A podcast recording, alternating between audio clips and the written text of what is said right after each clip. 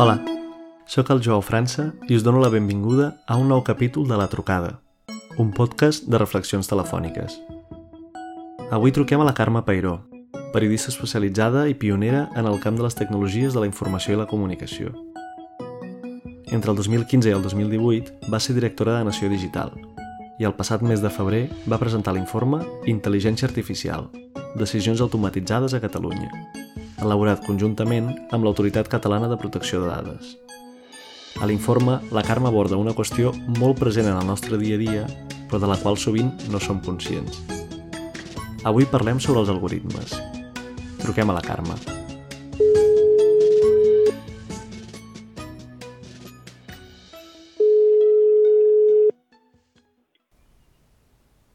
Hola.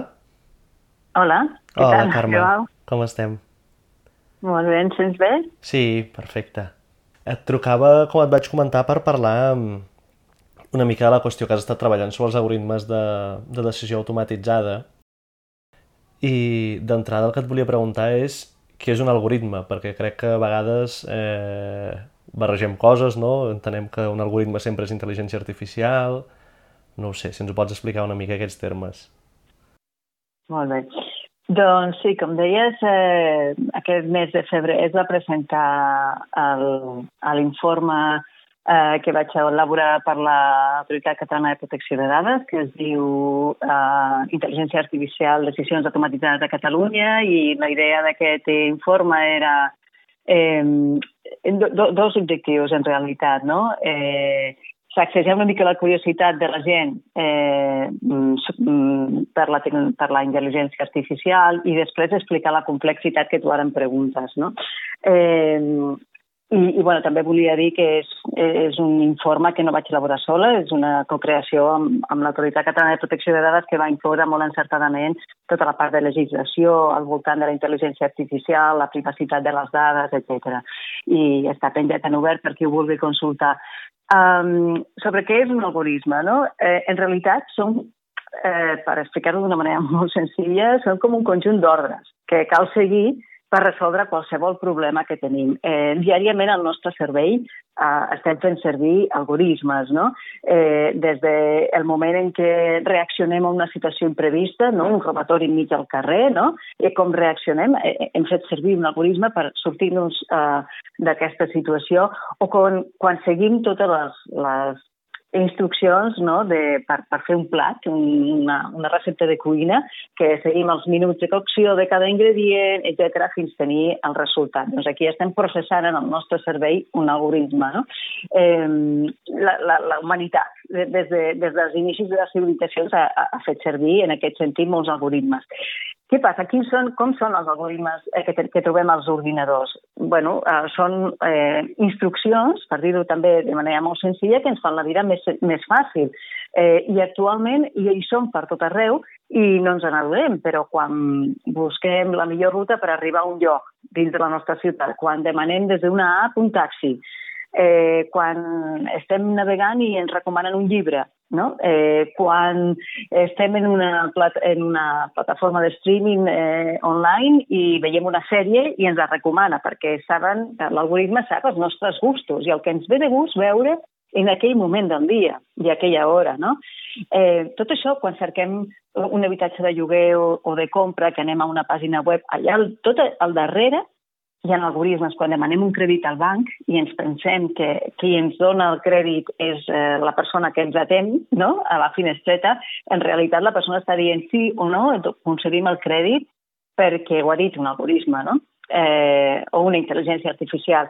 I així, eh, centenars de situacions que, que les hem normalitzat, no? Eh, per exemple, una llista d'espera de, per, per una operació quirúrgica en un hospital, no? Qui decideix entre centenars o milers de pacients eh, qui són els 10 o els 15 o els 20 primers que s'han de fer aquella operació. Doncs en, en moltes ocasions, eh, depèn de la gravetat, òbviament, no? eh, al darrere hi ha un algoritme. Hi ha algoritmes més sofisticats eh, que fan servir el que es coneix com machine learning o aprenentatge automàtic, que aquí, per explicar-lo fàcil, seria una branca de la intel·ligència artificial que fa que les màquines vagin millorant amb l'experiència, és a dir, mentre més es fan servir més, eh, perfecte és eh, aquest algoritme de, de machine learning. I dins del machine learning hi ha l'altre concepte que s'assem molt, que és l'aprenentatge profund, que és el deep learning. No? I aquesta és una tècnica encara més sofisticada perquè eh, el que intenta és eh, emular o imitar les xarxes neuronals eh, que tenim al cervell, no? I funciona com amb moltes capes i, i a partir d'aquí eh, doncs, el resultat final eh, està donant, eh, està, està fent que l'algoritme prengui una decisió eh, de manera automatitzada, no? Tot això no és nou, uh, Joao, això fa més de 50 anys que es coneix com a tecnologia. El que sí que és nou ara és el que tenim prou volum de dades que no existien abans de, de, de, dels mòbils i abans de, en els darrers 10 anys s'han recopilat moltíssimes, mm, el big data famós, les dades massives, i tampoc existia la capacitat de computació que hem arribat a assolir ara.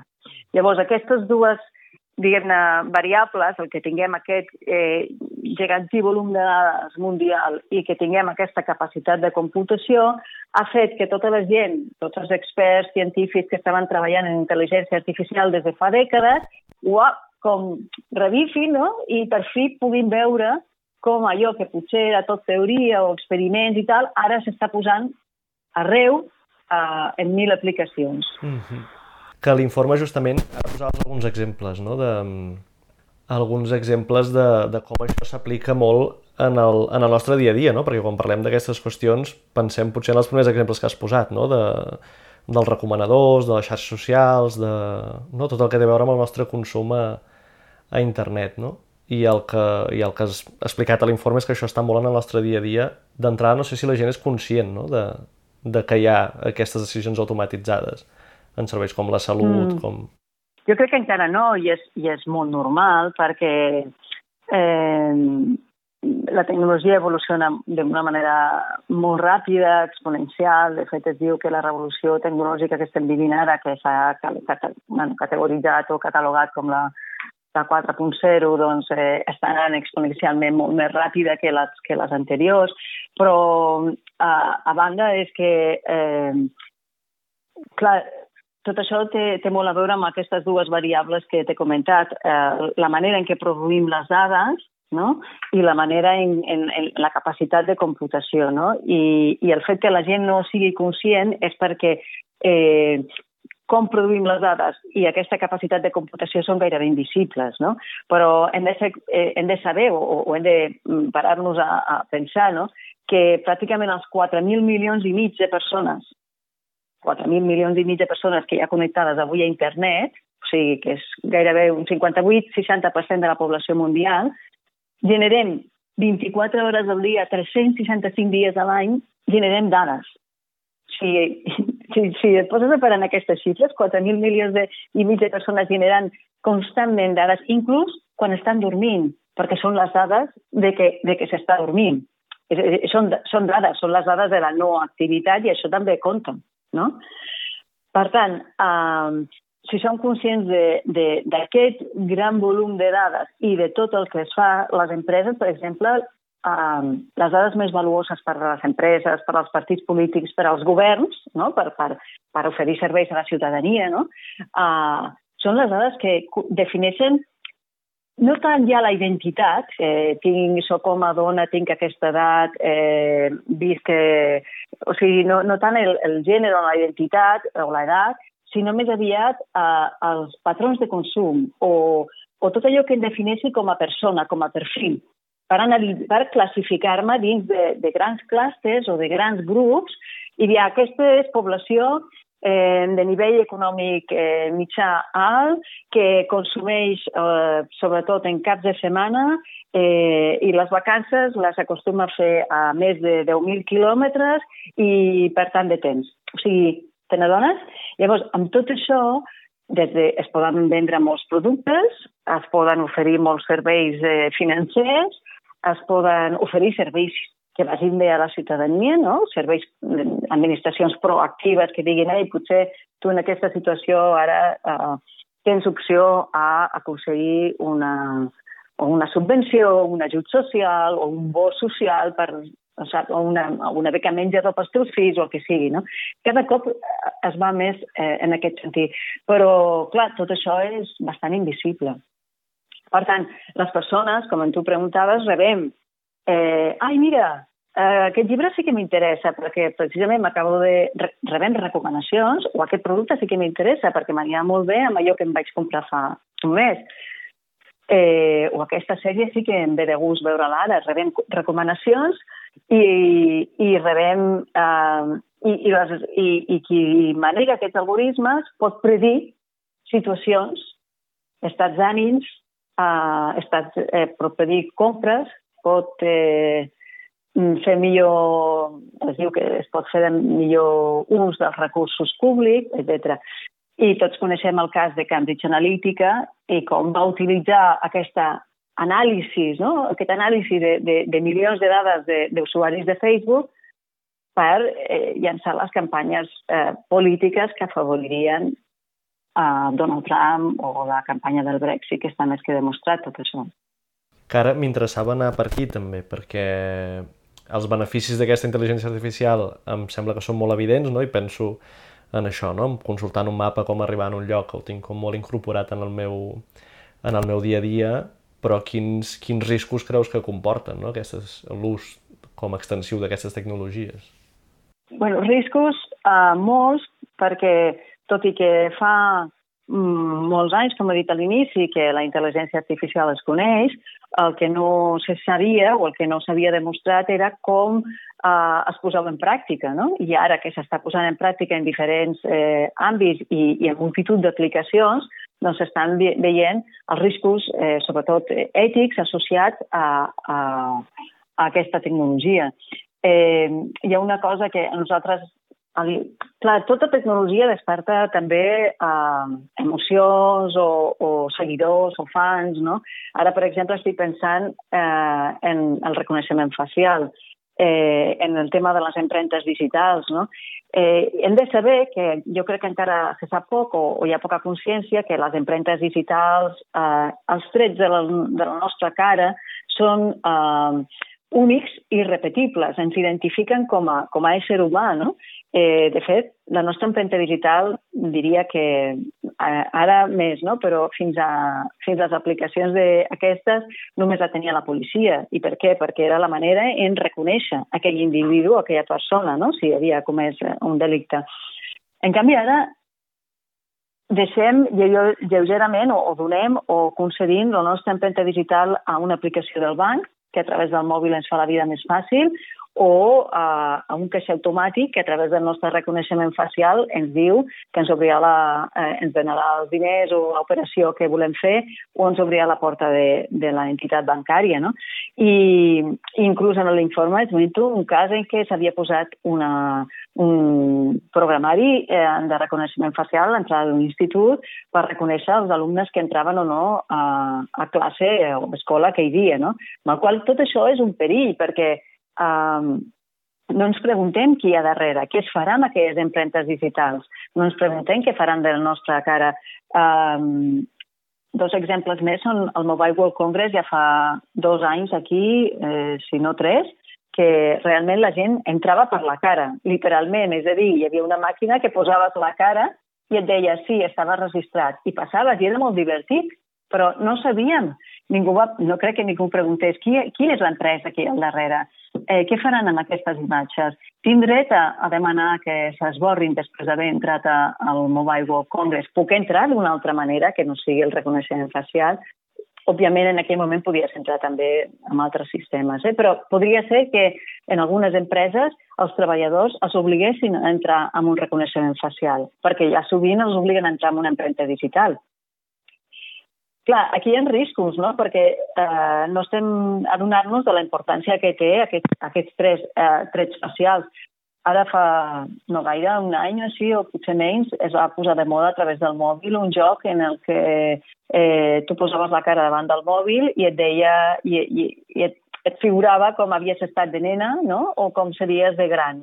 Eh, clar, no ens preguntava... Era molt divertit i ho feies amb amics i amb col·legues i et sorprenia, però el que estava fent aquesta empresa era recopilar eh, milers i milions de trets facials, que era el que necessitava l'algoritme per ser entrenat per ser una eina de reconeixement facial que després, i això ho dic però en molt hipotètic, no? en condicional, no, no, no ho sé, però després aquest programari podia ser venut a una policia de qualsevol país i podia ser posat aquest programari, que ja estava entrenat amb milions de cares, a, a un aeroport eh, per detectar possibles eh, terroristes o, o gent.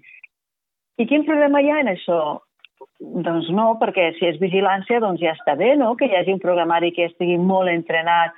bueno, el primer problema que jo veig és que a mi no m'han dit que hi ha aquesta possibilitat. Simplement m'han venut un joc, no? Per tant, no han estat transparents en el ús que farien d'aquest tret facial. El segon és que jo tampoc sé quan d'entrenat està l'algoritme com perquè no s'equivoqui, perquè el reconeixement facial, els experts diuen que és la tecnologia que encara està més, menys desenvolupada i dona molts errors encara, vale? i per tant es pot equivocar en reconèixer una persona que no sigui realment un terrorista o un criminal i, i tenir problemes aquesta persona per, en, en un aeroport d'un país interne, de qualsevol país. Clar, tot això, aquests són alguns dels riscos no? derivats. I t'he parlat només de, de les dades biomètriques. Eh, després, bueno, eh, se sap extensament, eh, perquè s'ha documentat amb, amb multitud d'exemples, que el, aquests algoritmes estan entrenats amb dades, amb dades massives no? de, de, de qualsevol tema, i totes les dades estan esbiaixades. Totes tenen un biaix. Llavors, aquest és un dels grans problemes de la, de, de la, dels algoritmes d'avui de, de decisió automatitzada i, de, i que s'estan intentant resoldre, resoldre perquè, perquè el viatge hi ha, hi ha més d'un centenar de viatges en qualsevol informació, en qualsevol dada, no? Eh, I els viatges, a vegades, per, per posar-lo simple, és, són com els prejudicis de les persones. Molta gent té prejudicis i no se n'adona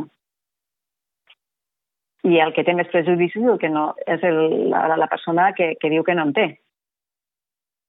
Perquè tots són, són trets que hem adquirit de la nostra situació cultural, de naixement, de familiar, etc. No? Per tant, totes les dades estan esbiaixades, per tant, tots els algoritmes tenen un viatge i la teva pregunta ara podria ser, bueno, doncs si sabem que les dades estan esbiaixades i que els algoritmes necessiten dades per ser entrenats i per ser operatius però sabem que estan esbiaixats perquè els fem servir. Clar, i per què els fem servir? No?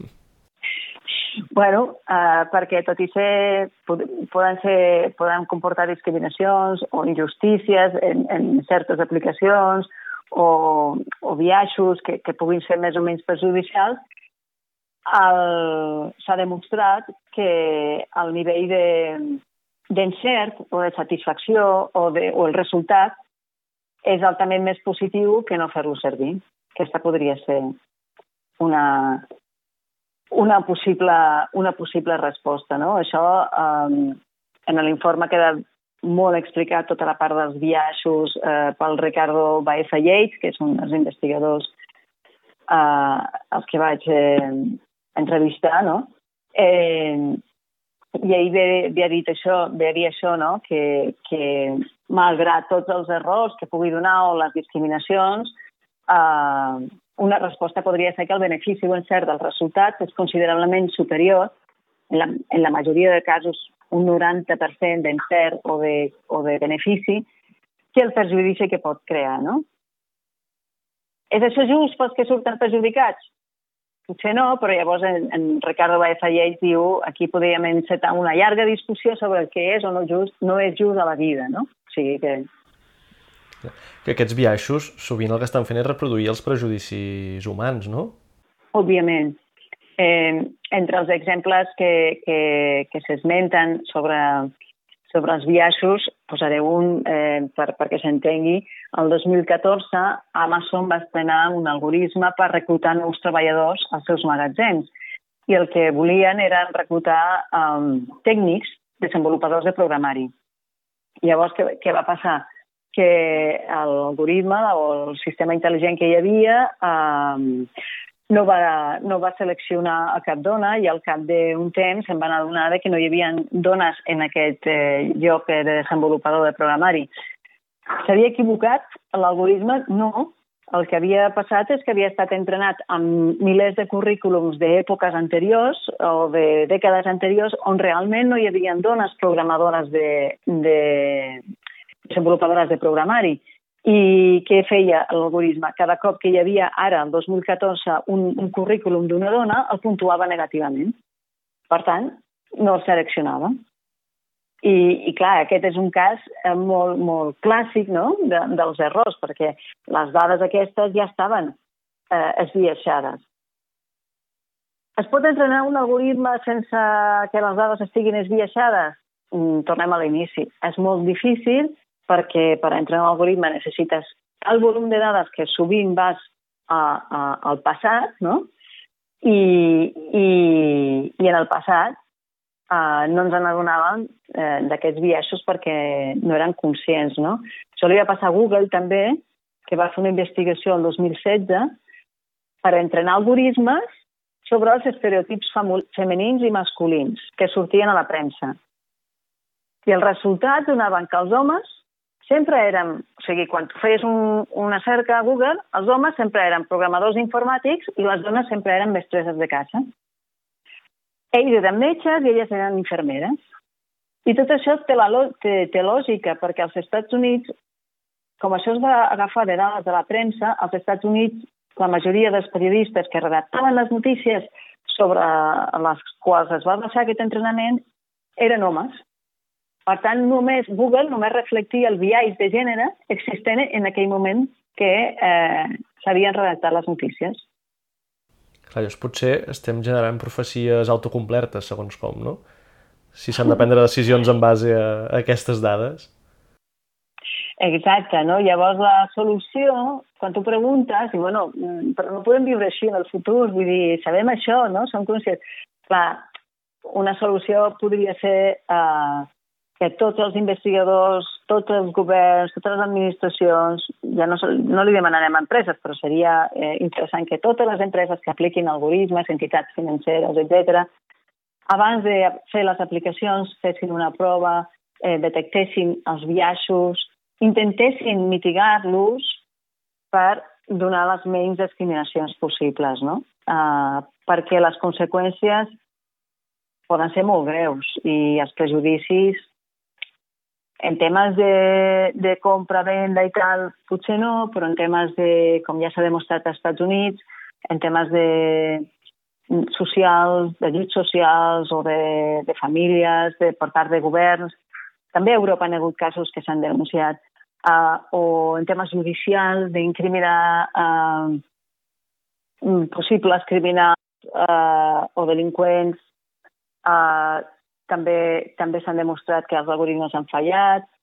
Um, vull dir, i, i, bueno, i ja en el tema de la salut és molt delicat també, que, que un sistema intel·ligent es pugui equivocar. No? Per això, en l'informe vull deixar clar que aquí, almenys a Catalunya, als Estats Units uh, no ha passat, no, no està passant, i aquí a Catalunya, mm, en el moment que jo vaig redactar-ho i, i investigar, sí, uh, hi han tres sectors o àrees en els quals la decisió de l'algoritme no és 100% automatitzada, sinó que la decisió sempre és d'un professional que mira la recomanació o el que ha decidit l'algoritme i ho valora abans de, de, de posar-ho en pràctica. I aquests tres àmbits són la salut, tot el que és medicina, tot el que és temes judicials i, i en alguns eh, casos d'ensenyament i socials també la decisió és de,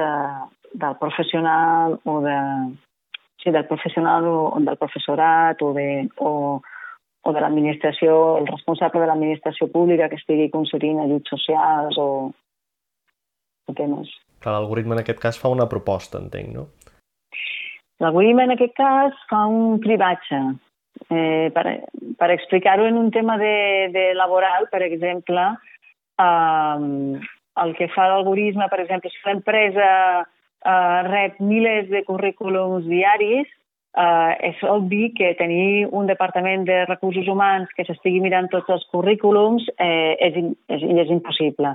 Però l'algoritme el que fa és un cribatge de, segons les, les, uh, les variables o l'objectiu del lloc de treball, el, el perfil que estiguin buscant i, i selecciona 10 de centenars, per exemple. I aquells 10, després l'empresa doncs, pot eh, decidir. Eh, el mateix eh, en el cas de salut, per exemple, està molt, està molt aplicada la intel·ligència artificial en, el, en radiografies per detectar malalties o anomalies eh, en, en, en certs casos, no? I llavors aquí sí que funciona molt eh, per les diferents tècniques ja desenvolupades. Però finalment eh, és el doctor el que ha de decidir eh, si aquell càncer, si allò és càncer i si aquell càncer eh, és perillós o no i el tractament que se li ha d'aplicar a aquell càncer, no? A, a Catalunya estem funcionant encara així, i, bueno, i segons experts, eh, investigadors eh, que menciono en l'informe, eh, que continuï sent així, perquè, perquè necessitem no? eh, que la decisió en aquests casos sigui que l'algoritme sigui un suport a la decisió, no sigui una decisió automatitzada.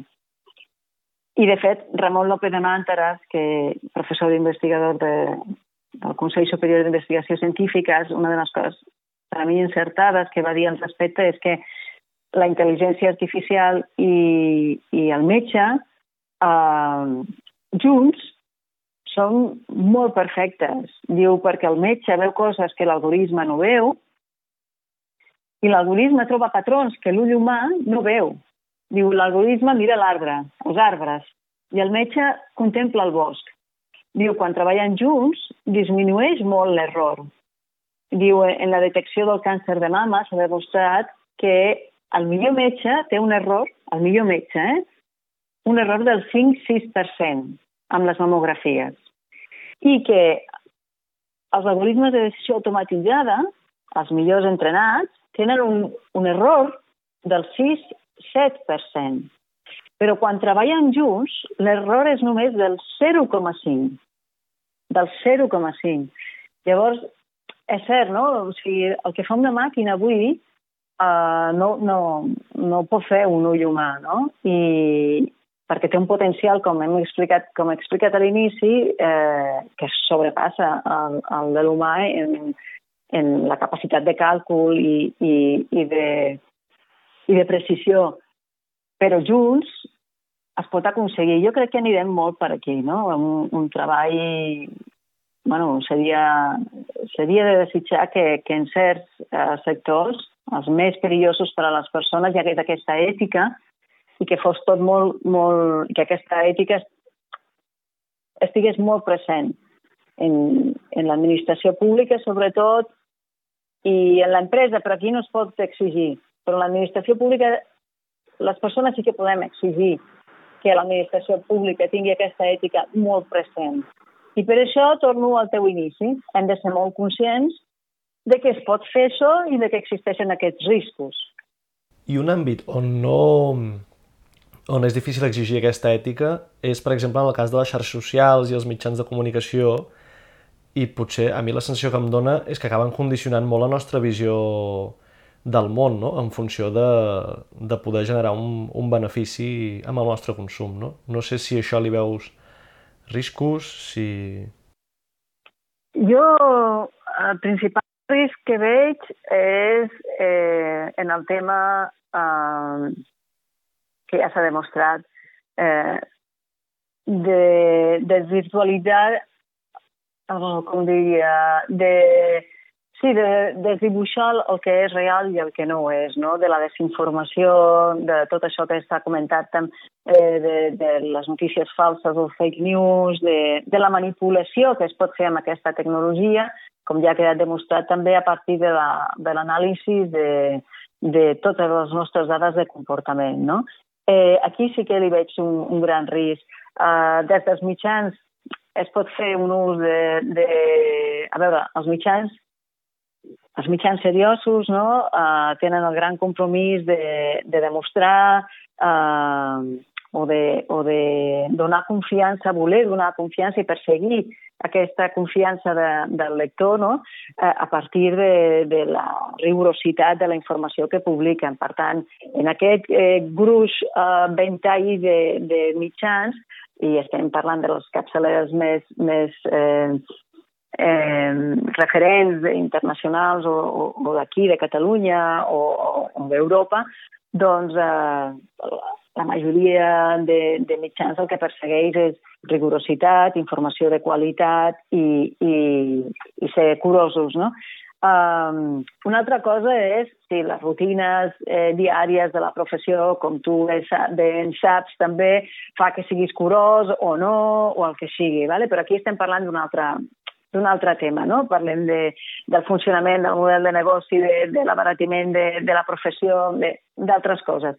Però quan parlem d'algoritmes que funcionen en les xarxes socials, com tu deies, això es descontrola, no? Es descontrola moltíssim. I el perill, per mi, és, eh, és no saber realment què està passant no? no saber eh, què és cert i què no és cert. No? En el moment en què surten per xarxes socials imatges del passat que semblen eh, tan reals que, que, que podien haver passat a, a 10.000 quilòmetres i te les creus i per això hi ha reaccions i hi ha canvis polítics, dius, mm, és impossible comprovar-ho tot al 100% i és molt fàcil colar eh, aquesta, aquest, mm, falsa, aquest falsa, aquesta falsa realitat no? de, del moment actual. No?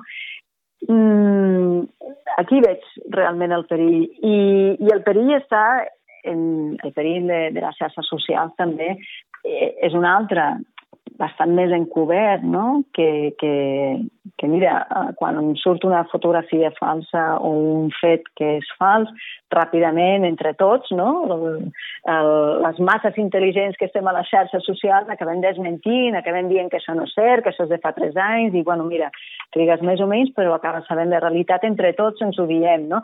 Però jo, per, per mi, un altre perill, i que va relacionat amb, amb la tecnologia i amb, la, amb els algoritmes, la intel·ligència artificial, és no sé, l'adoctrinament, l'atontament, el borregament eh, que, que crea no? l'estar permanentment enganxat, l'addicció que crea aquests algoritmes no? que, que el que estan fent és analitzar tant el teu comportament que saben com tenir-te enganxat permanentment a, a, a aquella xarxa social. No? Encara que tu no vulguis, estàs allà enganxat, estàs constantment no?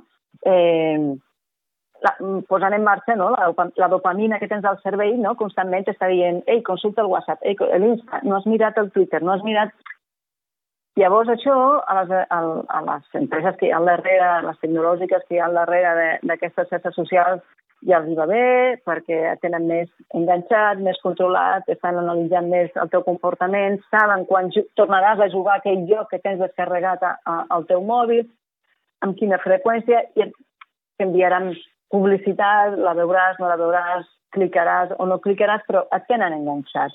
I això et distreu de mil coses que tu abans et feien pensar, de mil activitats en qualsevol mm, format o estil, des de veure un documental, llegir un llibre, anar a una exposició, tenir una conversa interessant amb una altra persona, estar tu sol o sola eh, reflexionant sobre alguna cosa que has llegit, eh, buscar el teu argument crític.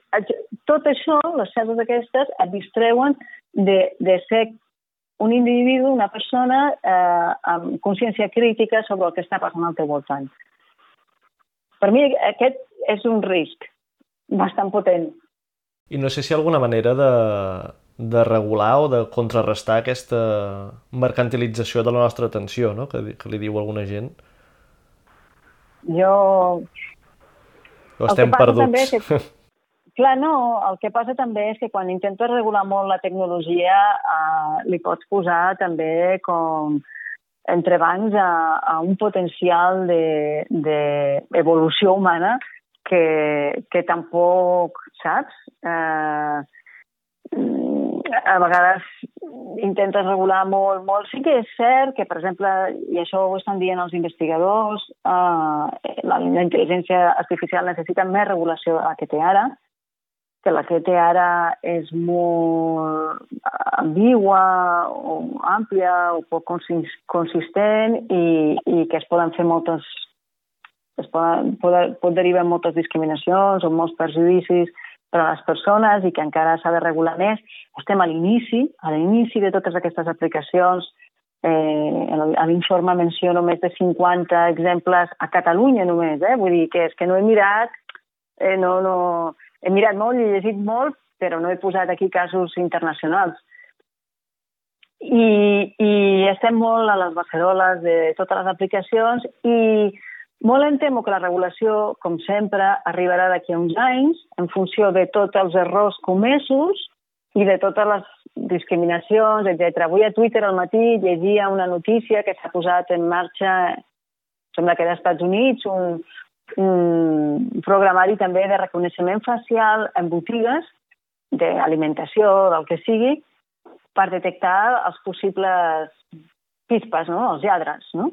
És que, és que un paquet de, de un cosmètic o un, o un algo que és car i se l'embutxaquen mentre estan comprant i passen per la caixa tres coses i tenen 10 a la butxaca, no? I que llavors el que analitza el, el, el programari són els moviments de la persona, o sigui, no és una càmera de biovigilància només, sinó que és una càmera amb un programari de eh, reconeixement facial i de trets biomètrics que analitza els teus gestos i que segons què facis o com te toquis la roba en el moment en què tu agafes un producte, t'està ja classificant, no? I es veu que s'ha entrenat, lògicament, amb, amb, amb centenars de milers d'imatges tretes de càmeres de, de videovigilància en, en molts comerços, no? Clar, jo he preguntat ràpidament, no? Eh, I què passa quan s'equivoca el programari? Mm, aquest client suposadament lladre mm, el deixen anar tan tranquil·lament o se li fa la fita, se li prenen les dades, se li, igualment encara que sigui innocent, no? Clar, som, encara han, han d'haver, s'ha de provar molt més eh, tota, tota aquesta tecnologia, sistemes intel·ligents, eh, veure els errors, les discriminacions, detectar els biaixos i veure com millorar-lo i llavors eh, jo crec que igualment apareixeran les lleis perquè està molt poc regulada la intel·ligència artificial. A Europa tenim la, el reglament de protecció de dades, no? el GDPR, que es va aprovar fa uns anys. Hi ha, concretament hi ha un article, l'article 20, que diu sobre alguna coseta sobre els algoritmes de decisió automatitzada. En casos molt específics, eh, una persona podria denunciar eh, l'entitat o l'empresa o el banc o l'administració que, que el posés en marxa si es demostrés sobradament que havia estat, eh, que havia provocat un perjudici a, a un grup de persones, etc. No?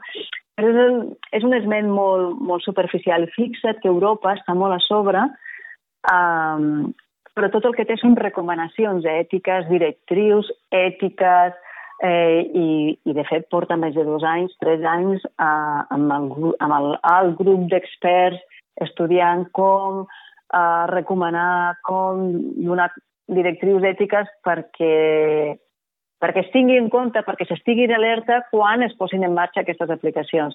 I suposo que la legislació arribarà aviat, també.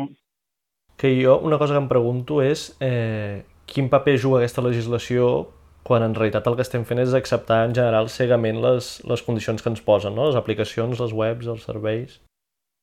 Bueno, aquí toques un punt interessant perquè eh, segons eh, com me l'has plantejat, sembla, semblaria no? que, que l'error és nostre, de la gent, no? que estem acceptant eh, cegament, però jo aquí també eh, dic que les empreses, l'administració, eh, tothom que està posant en marxa eh, aquesta tecnologia comet un error de certa opacitat en el sentit de que o no explica bé què hi ha al darrere, que s'està posant un algoritme i que m'està afectant. Quan tu, quan tu vas a la, a la app de, de, de Google o qualsevol app eh, que, que et marca el camí el més curt per arribar a un lloc, bueno, pues és difícil trobar uh, l'apartat en què diu aquí al darrere hi ha un algoritme que està agafant aquestes dades teves, que, que està fent aquest tractament de les dades, que pots fer això, que pot suposar aquest risc, que pot significar allò altre. A canvi, et donem el servei i el camí més curt. Clar, si això m'ho descrivissin en, en, en, en tres gràfics o en tres minuts d'una manera molt senzilla, de, mira, t'estem agafant això, el risc és això, però el benefici és superior i tu decideixes. Agafes o no agafes aquesta app? Doncs ja seria una qüestió de cadascú. Però que això estigués tot en una mateixa pantalla en tres dibuixos. Què, què, què m'agafen? Quin és el risc? I quin és el benefici? I jo valoro. Jo valoro si vull que m'agafin allò i si me la jugo amb el risc. I dic, sí, me la jugo i ho valoro. Quan tu surts al carrer, tu tens el risc de que caigui una palmera uh, passejant per la ciutadella i moris, o tens el risc de que caigui un test d'un balcó i també moris, però tu assumeixes aquest risc o que t'atropelli un cotxe o que, o que et robin, però o caure simplement, no? Però tu assumeixes aquest risc i surts al carrer, no? L'assumeixes. Però aquí no ho sabem, els riscos, no? En aquest, estic posant exemples molt, molt, molt, molt planers i molt senzills, eh? però és per entendre-ho, eh? Però aquí els riscos de, del que comporta la, la, la tecnologia actual no ens els expliquen, no? Eh, no ens diuen tampoc que existeix al darrere un algoritme de decisió automatitzada eh, i no ens diuen totes les dades que ens agafen. I aquelles aplicacions que sí que ens ho diuen, jo m'he de, llegir, de llegir com 15 folis en una lletra d'un cos 5, 6, i, i des de la pantalla del meu telèfon mòbil i al final dic, mira, va, som-hi, m'és igual el que m'agafis, no? El mateix passa amb les cookies. Les cookies, que amb la llei aquesta europea de protecció de dades era t'havien de demanar el consentiment, aproves totes les cookies perquè ve d'un lloc que no aprovis les cookies, no et deixen entrar ni llegir.